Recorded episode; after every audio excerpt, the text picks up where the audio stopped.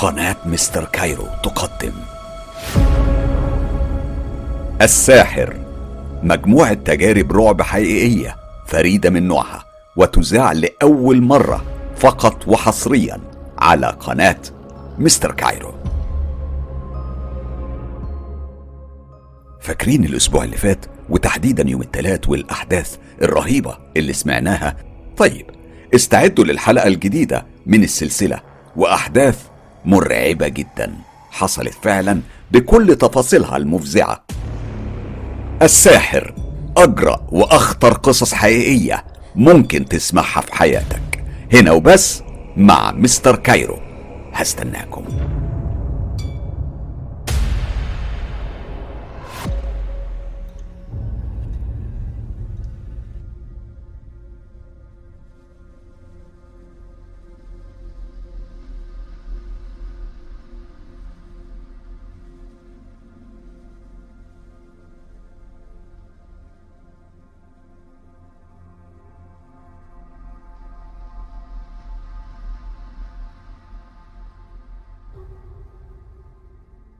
أهلا بكل أصدقاء مستر كايرو عشاق الساحر. أنا مش هضيع وقت. هندخل على طول في التفاصيل ونسمع سوا انتقام شبح.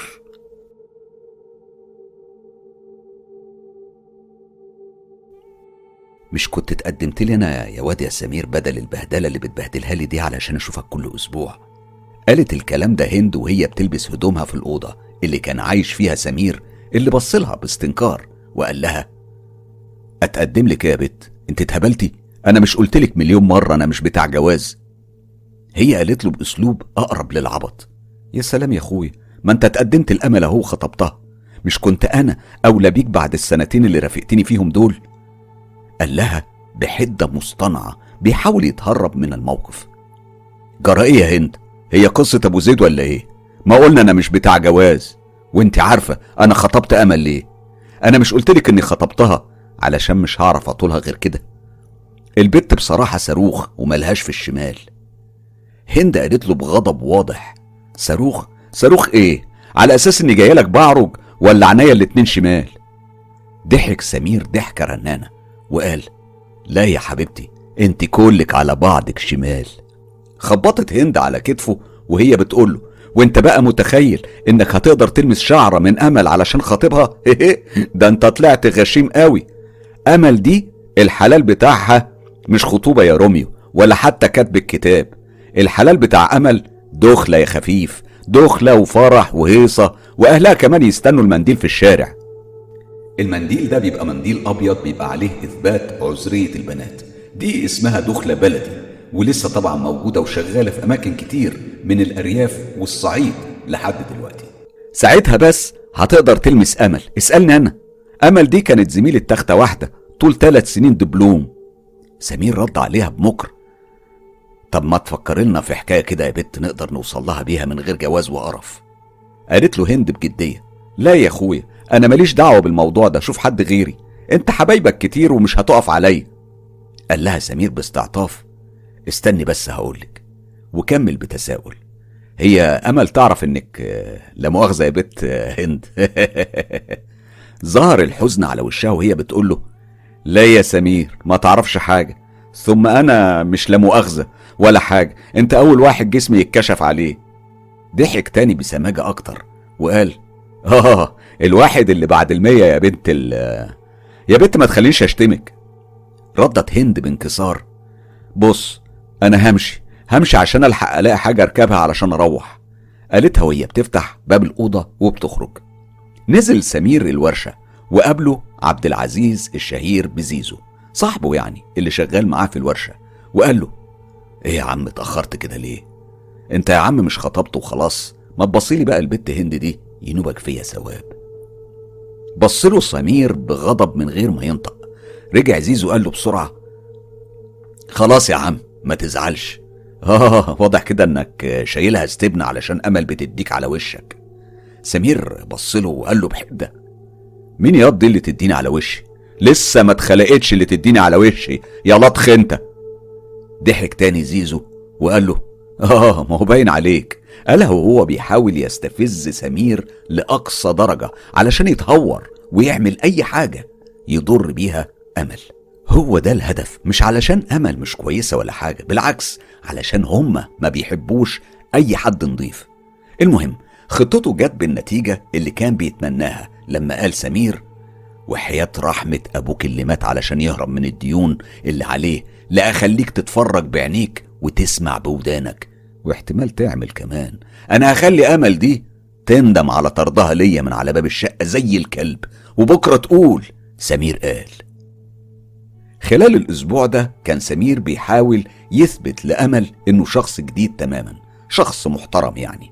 هو راح لهم زيارة مرتين وما حاولش يلمسها زي كل مرة لدرجة إن أمل نفسها استغربت وقالت له هم قاعدين بعد الغدا مع بعض في البلكونة وكالعادة كانت أختها الصغيرة قاعدة معاهم. سبحان مغير الأحوال. كان لازم يا سمير يحصل كده علشان تتأكد إني كويسة وربنا يهديك. هو بصلها بعتاب وما ردش.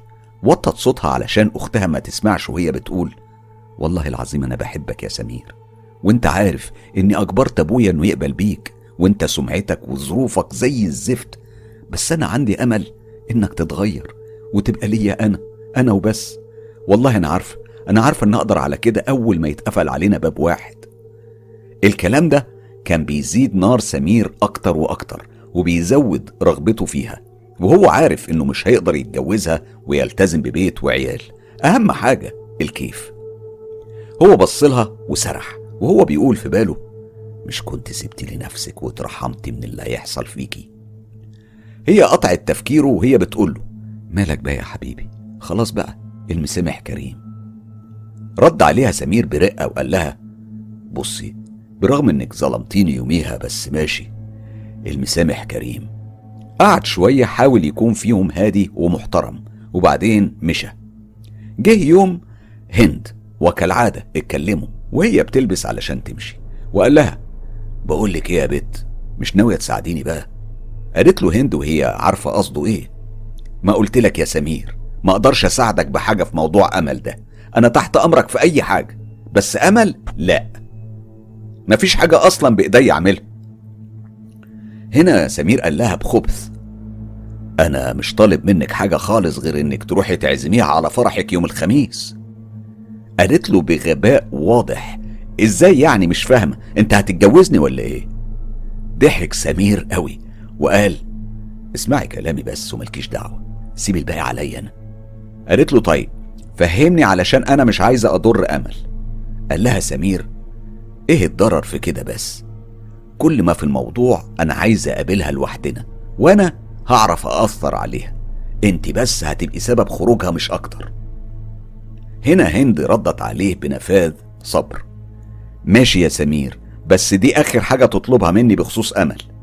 ابتسم سمير ابتسامة شيطانية وهو سرحان وقال وأنا موافق هتبقى آخر حاجة تخص أمل. تاني يوم هند كانت أمل أمل في بيتها على بعد الظهر بتعزمها على فرحها الوهمي. أمل وقتها حضنت هند قوي وهي بتقول لها ألف مبروك يا حبيبتي والله فرحت لك قوي. بالرغم إني زعلانة منك كده يا ندلة من بعد المدرسة محدش يعرف عنك حاجة. ردت هند وهي بتحاول ترسم ابتسامة مصطنعة. والله يا أمل على طول في بالي بس أنت عارفة بقى منطقتكم بعيدة قوي عني ولازم أركب مواصلات وحاجة آخر تعب. بس لحد فرحي ولا. قلت لازم تبقى انت أول المعازيم. ردت أمل بحب صادق. تستاهلي كل خير والله يا هند. ربنا يتمم لك على خير يا حبيبتي. وما تقلقيش أنا أول واحدة هتبقى موجودة. علشان أبقى جنبك من أول الليلة. أنا بس هاخد إذن الحاج بس لما يرجع. وهو مش هيعارض. كلام أمل كان تقيل قوي على هند. لإحساسها بالذنب من اللي هي بتعمله. وده خلى هند تقوم فجأة وهي بتقول لأمل خلاص يا أمل هستناكي يوم الخميس بقى على المغرب ما تتأخريش عليا. ردت أمل بدهشة جراية يا بت وقفت ليه؟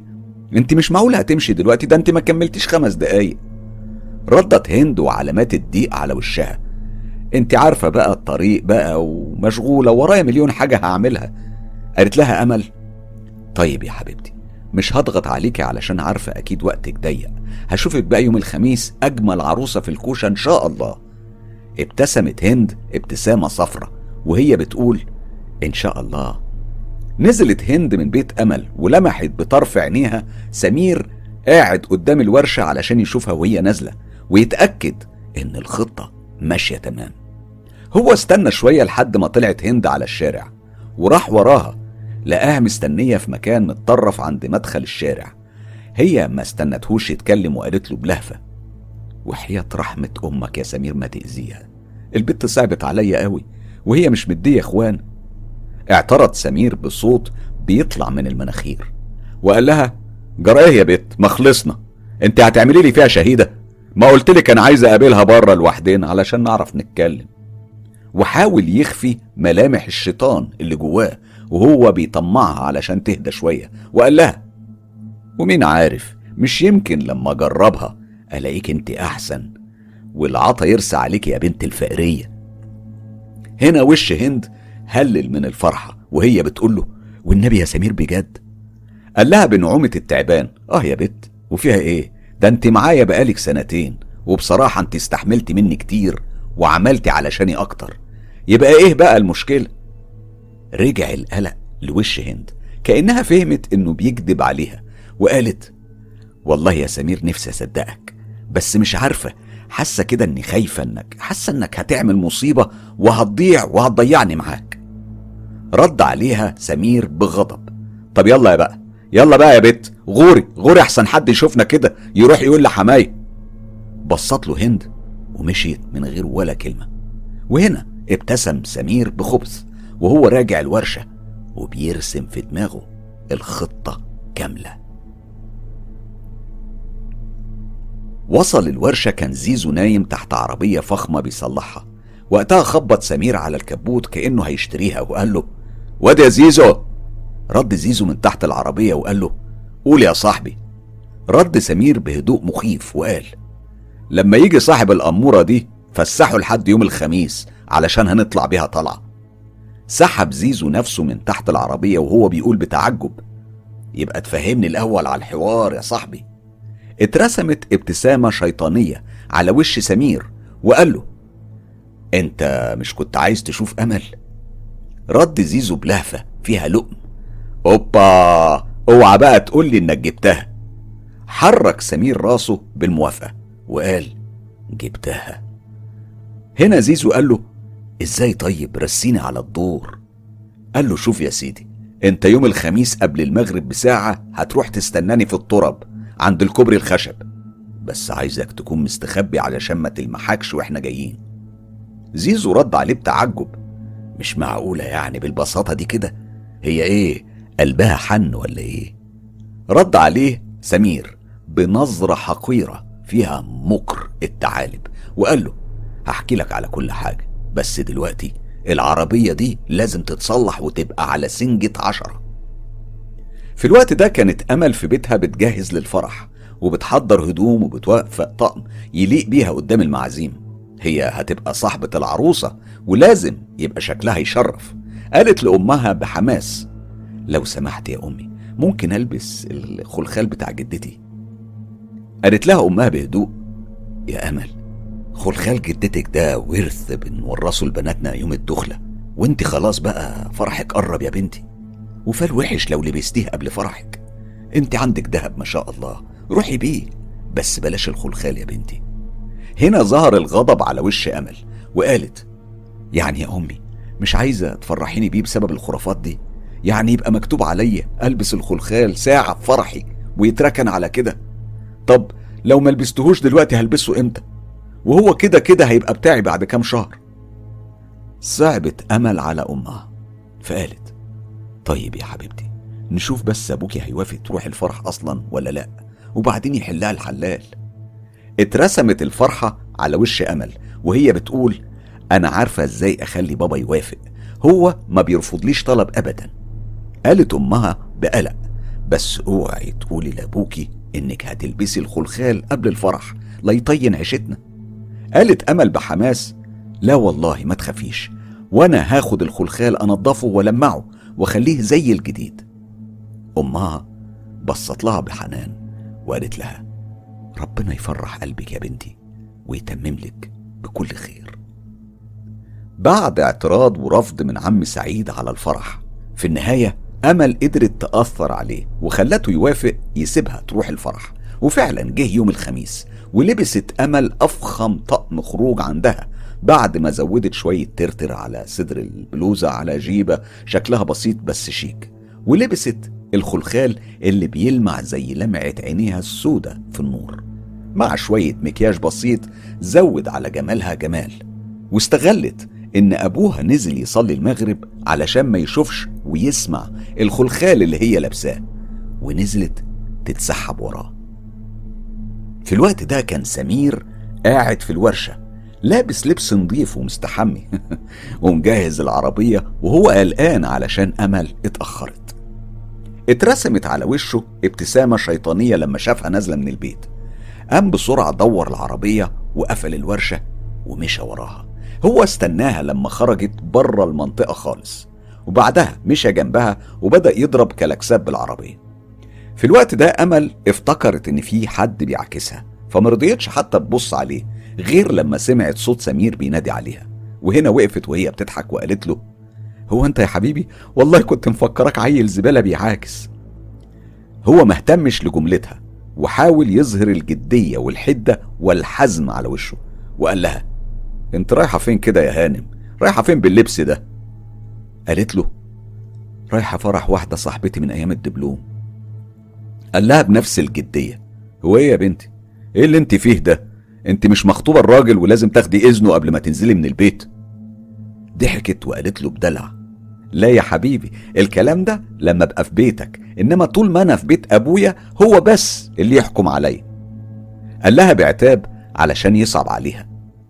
كده برضه يا أمل ماشي يا ست تكرامي قالت له بلهفة وخوف على زعله والله مش قصدي يا حبيبي بس دي صاحبتي من زمان وما أقدرش ما لهاش هنا هو قال لها وكأنه كسب نقطة. طيب هاجي معاكي. قالت له لا والله ما يحصل ابدا. أبويا لو عرف إني قابلتك يا سمير هيطين عيشتي وعيشتك واحتمال يفركش لنا الخطوبة. وأنا كمان بصراحة ما اتعودتش أعمل حاجة من وراه.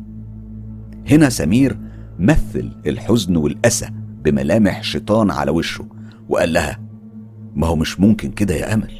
أنا لو خاطب بنت رئيس وزراء كندا مش هتعملوا فيا كده؟ مش طريقة دي؟ وهنا بص في ملامح وش أمل وأرى فيها إنها بتندم على الصد الدائم ده. ما ادهاش فرصة تفكر وقال لها طيب على الأقل أوصلك بالعربية الجامدة دي. هنا هي حست إنها لو رفضت هتبقى بتخسر سمير للأبد. وقالت له طيب يا حبيبي زي ما تحب بس خلي بالك هتنزلني قبل الشارع علشان ما حدش يشوفك معايا. اتنهد سمير وهو بيقول لها حاضر يا ستي. حاجة تانية؟ قالت له بحب صادق تسلم يا حبيبي.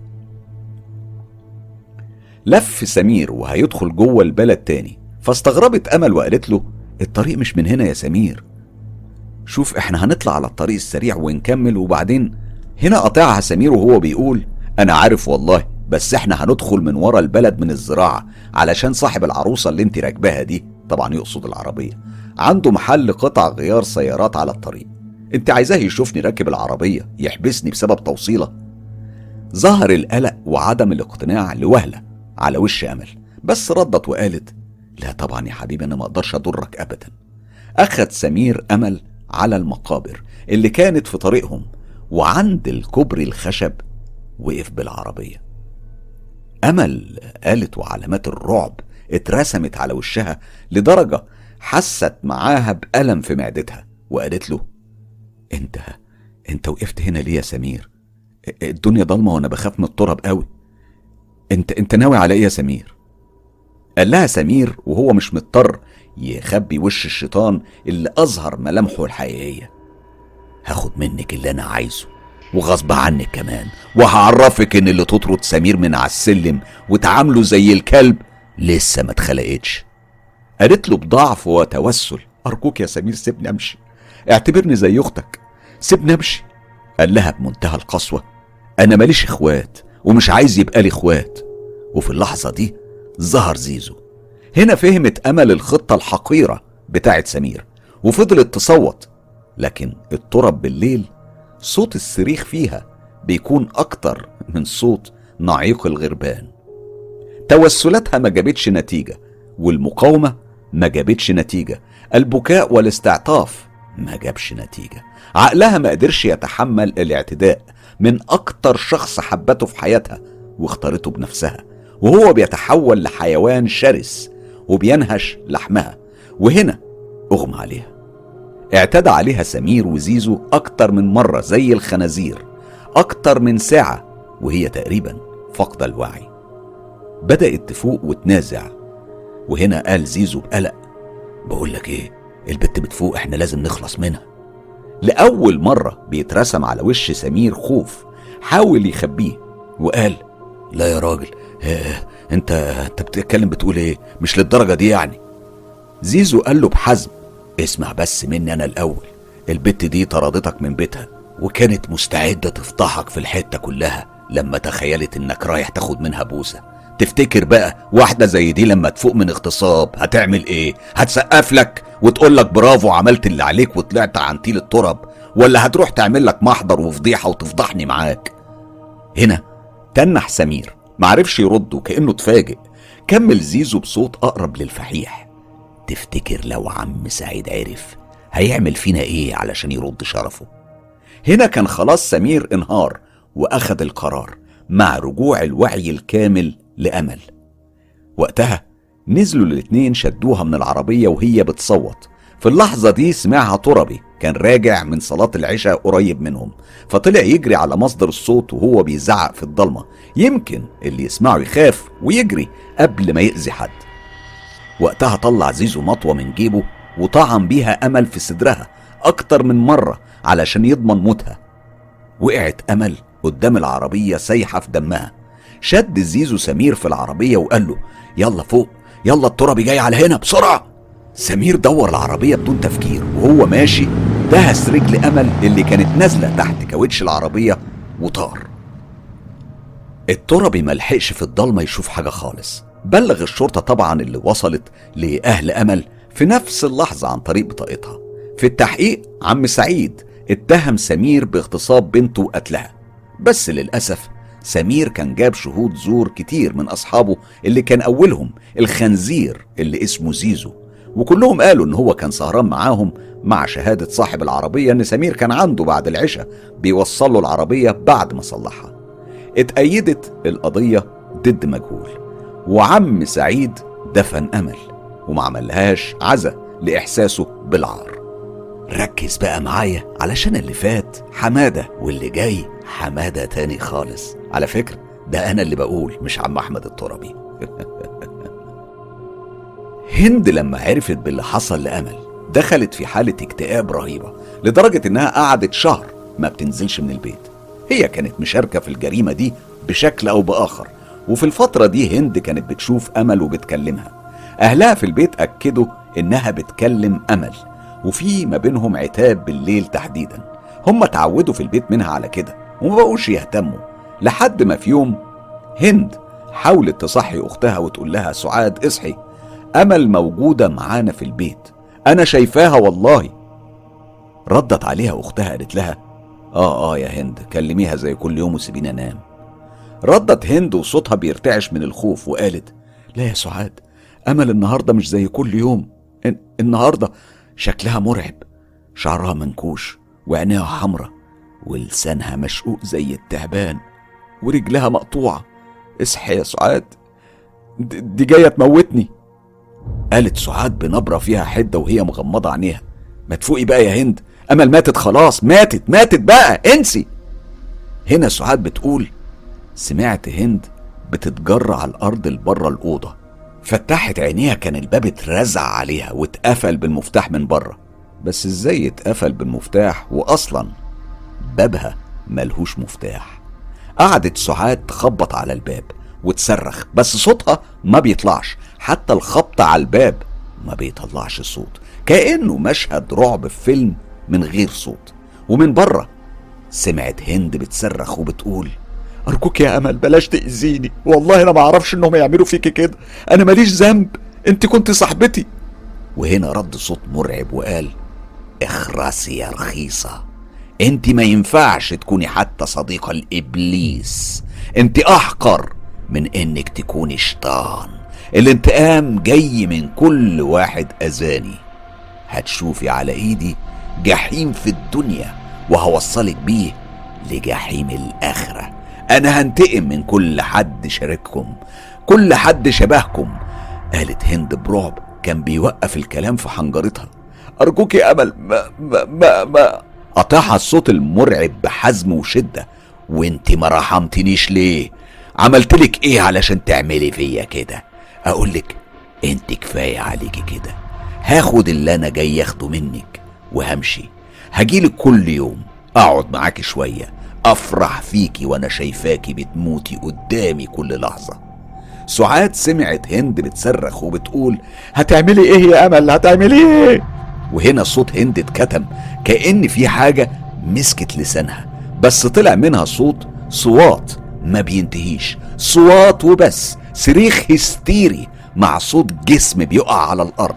في اللحظة دي قدرت سعاد تفتح الباب وصوتها رجع مع صرخة صحت أهل البيت كلهم. مش أهل البيت بس ده أهل الشارع كله.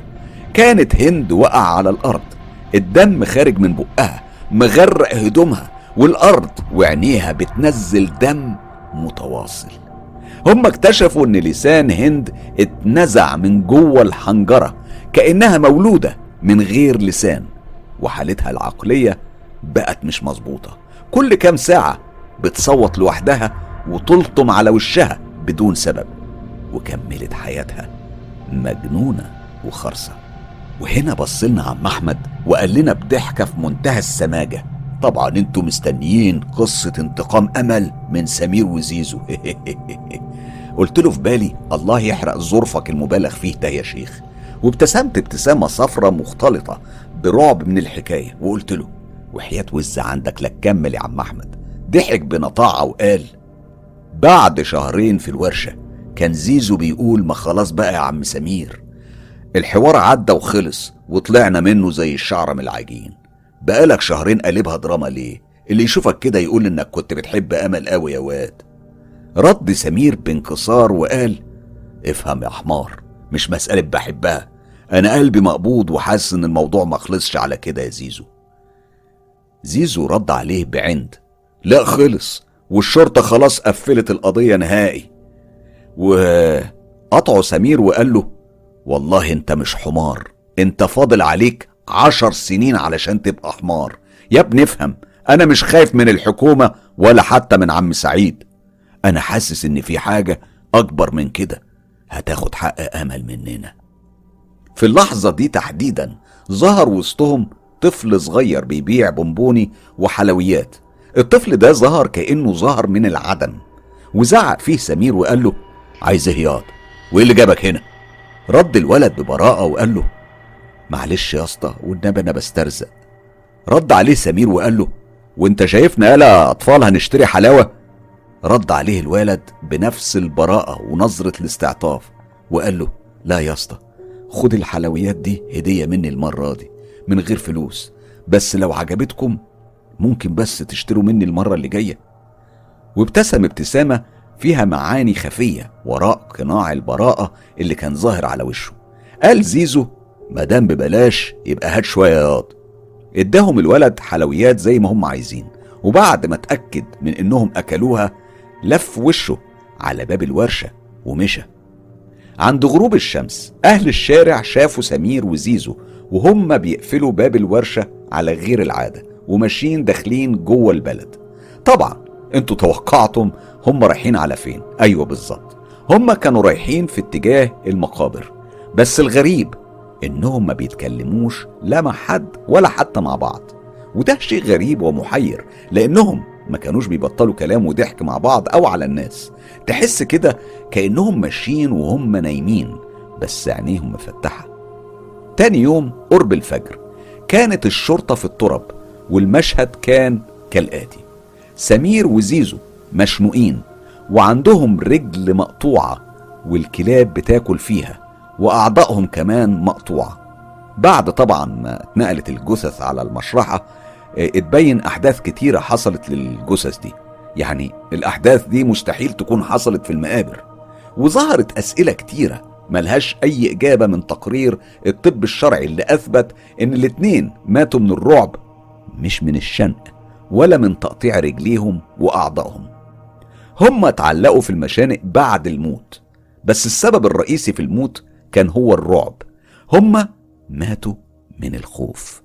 الغريب أن رجليهم مقطوعة عن طريق النزع يعني اتشدت لحد ما اتقطعت. ودي حاجة مستحيلة غير إن تكون رجليهم اتربطت مثلا في عربية وجسمهم اتربط في شجرة. وقوة انطلاق العربية فصلت الرجلين عن الجسم. ونفس الكلام حصل مع أعضائهم. كمان الأوردة والشرايين في كل الجسم كانت متقطعة كأن الجسم اتعرض لضغط داخلي عالي جدا أدى لانفجار الأوردة والشرايين. وده كان شيء عجيب. ده غير إن عظام الجسم كلها كانت متكسرة. كأن الأجسام دي اترمت من الدور العاشر وده برضه كان مستحيل يحصل.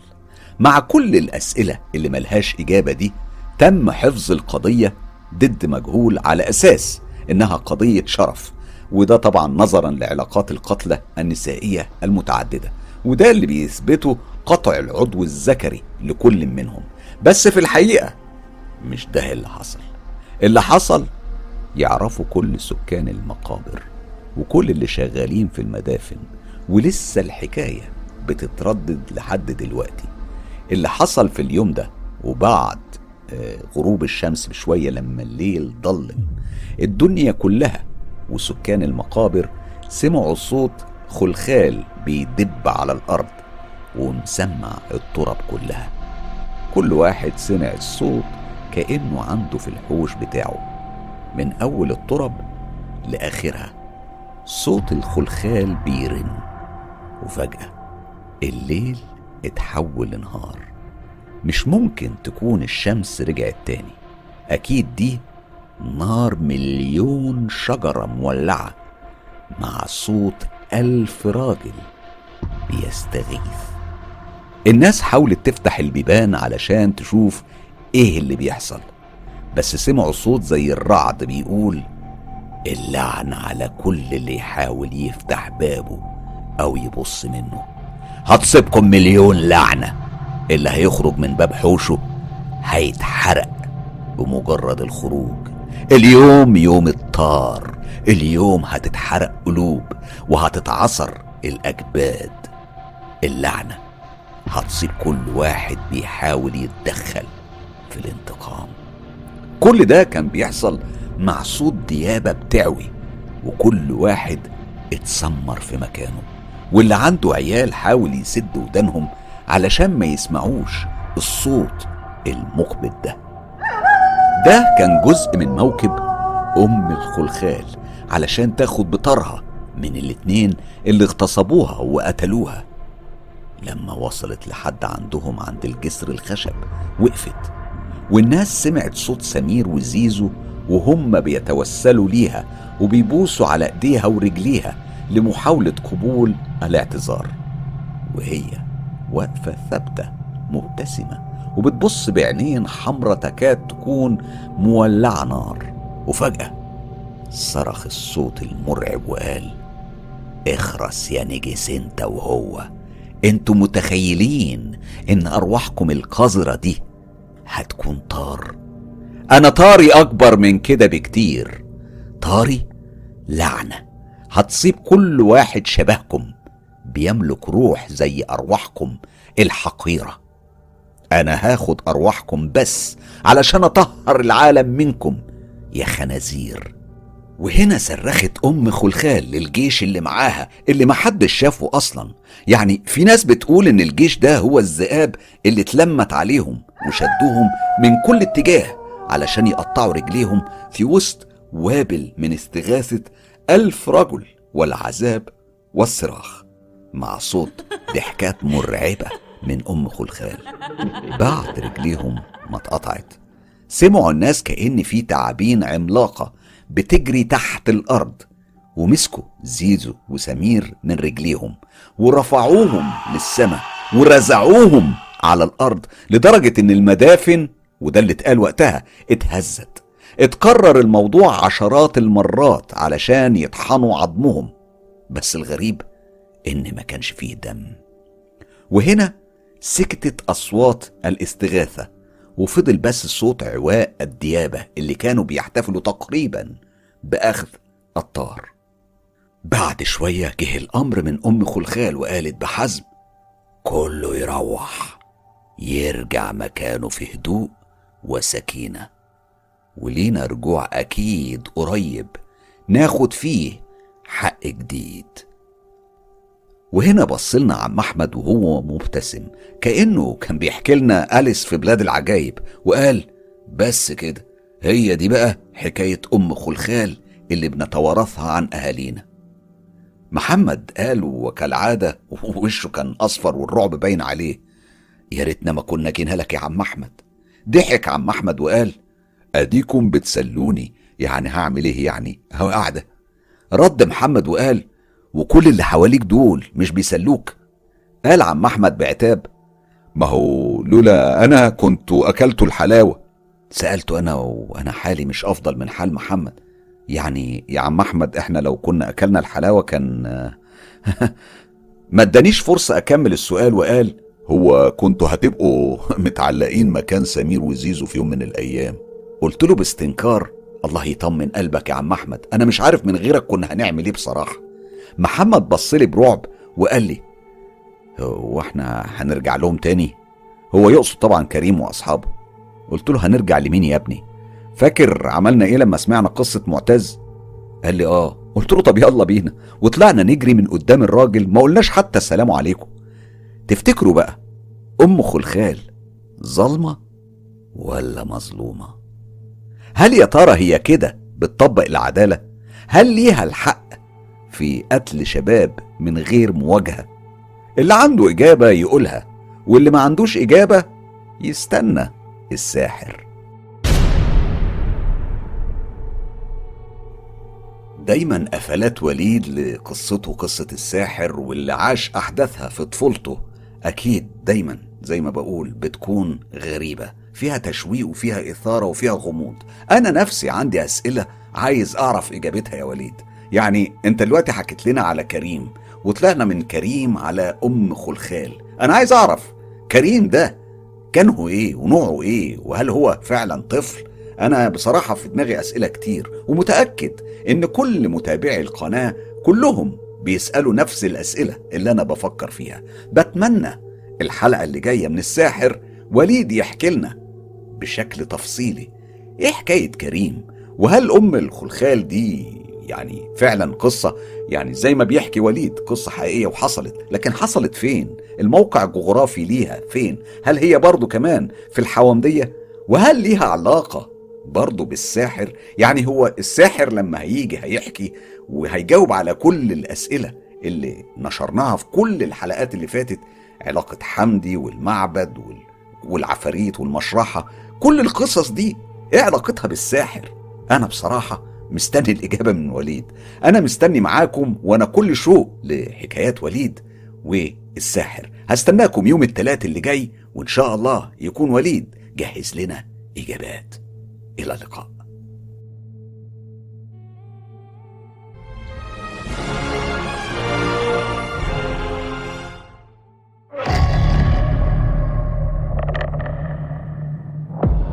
المسلسل ده مصنوع مخصوص لعشاق الرعب الحقيقي واللي بيستمتعوا برعب من عالم غامض غريب ومرعب. ابتداء من الجمعة 27 أغسطس هبدأ إذاعة أحداث القصة المرعبة على خمس أجزاء. كل جزء مدته هتكون حوالي ساعة ونص. أما الإذاعة هتكون كل جمعة وتلات الساعة عشرة ونص مساء. يعني وجبة ممتعة من الرعب والغموض والإثارة. بالنسبة لترتيب الأجزاء علشان ما انتهش هيكون كالآتي. الجزء الأول آدم. الجزء الثاني الشياطين. الجزء الثالث الخادم. الجزء الرابع الملخص. الجزء الخامس والأخير اللغز. دلوقتي هسيبكم مع مقدمة الحلقات وأكيد هستناكم.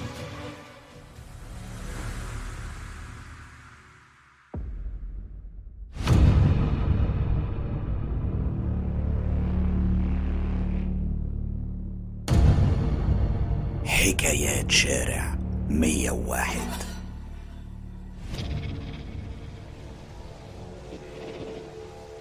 الحكايات دي مش زي أي حكاية بتسمعها. قصة رعب فيها كم موقف ويعدوا خلاص. لا. الحكاية دي منسوجة من مشاعر حقيقية وانفعالات عشتها بنفسي والشخصيات اللي فيها أغلبها شخصيات حقيقية منهم اللي موجود ما بيننا ومنهم اللي ساب عالمنا. لكني في بعض الأحيان هتلاقوني غيرت في الأسماء أو بدلتها حفاظا على الخصوصية. كمان البلاد اللي حصلت فيها الأحداث سبتها زي ما هي وما غيرتهاش. وبعد كده خلطت تصوري للأحداث بكل اللي فات ده وكتبت القصة اللي بتعبر بشكل رمزي عن مرحلة مهمة مريت بيها في حياتي في مصر. القصة أنا سبق ونشرتها في بدايات القناة وكنا لسه قناة مبتدئة لكن النهاردة وبعد ما عيلتنا كبرت حسيت إني لازم أعرضها تاني لأني حابب أشارككم الأحداث دي بكم الإثارة والغموض والرعب اللي مش هقول لكم إنها مستوحاة من أحداث حقيقية لأ دي مستوحاة من أحداث عشتها في حياتي الشخصية. أنا اسمي في الحكايات آدم وبدعوكم تسمعوا حكايتي.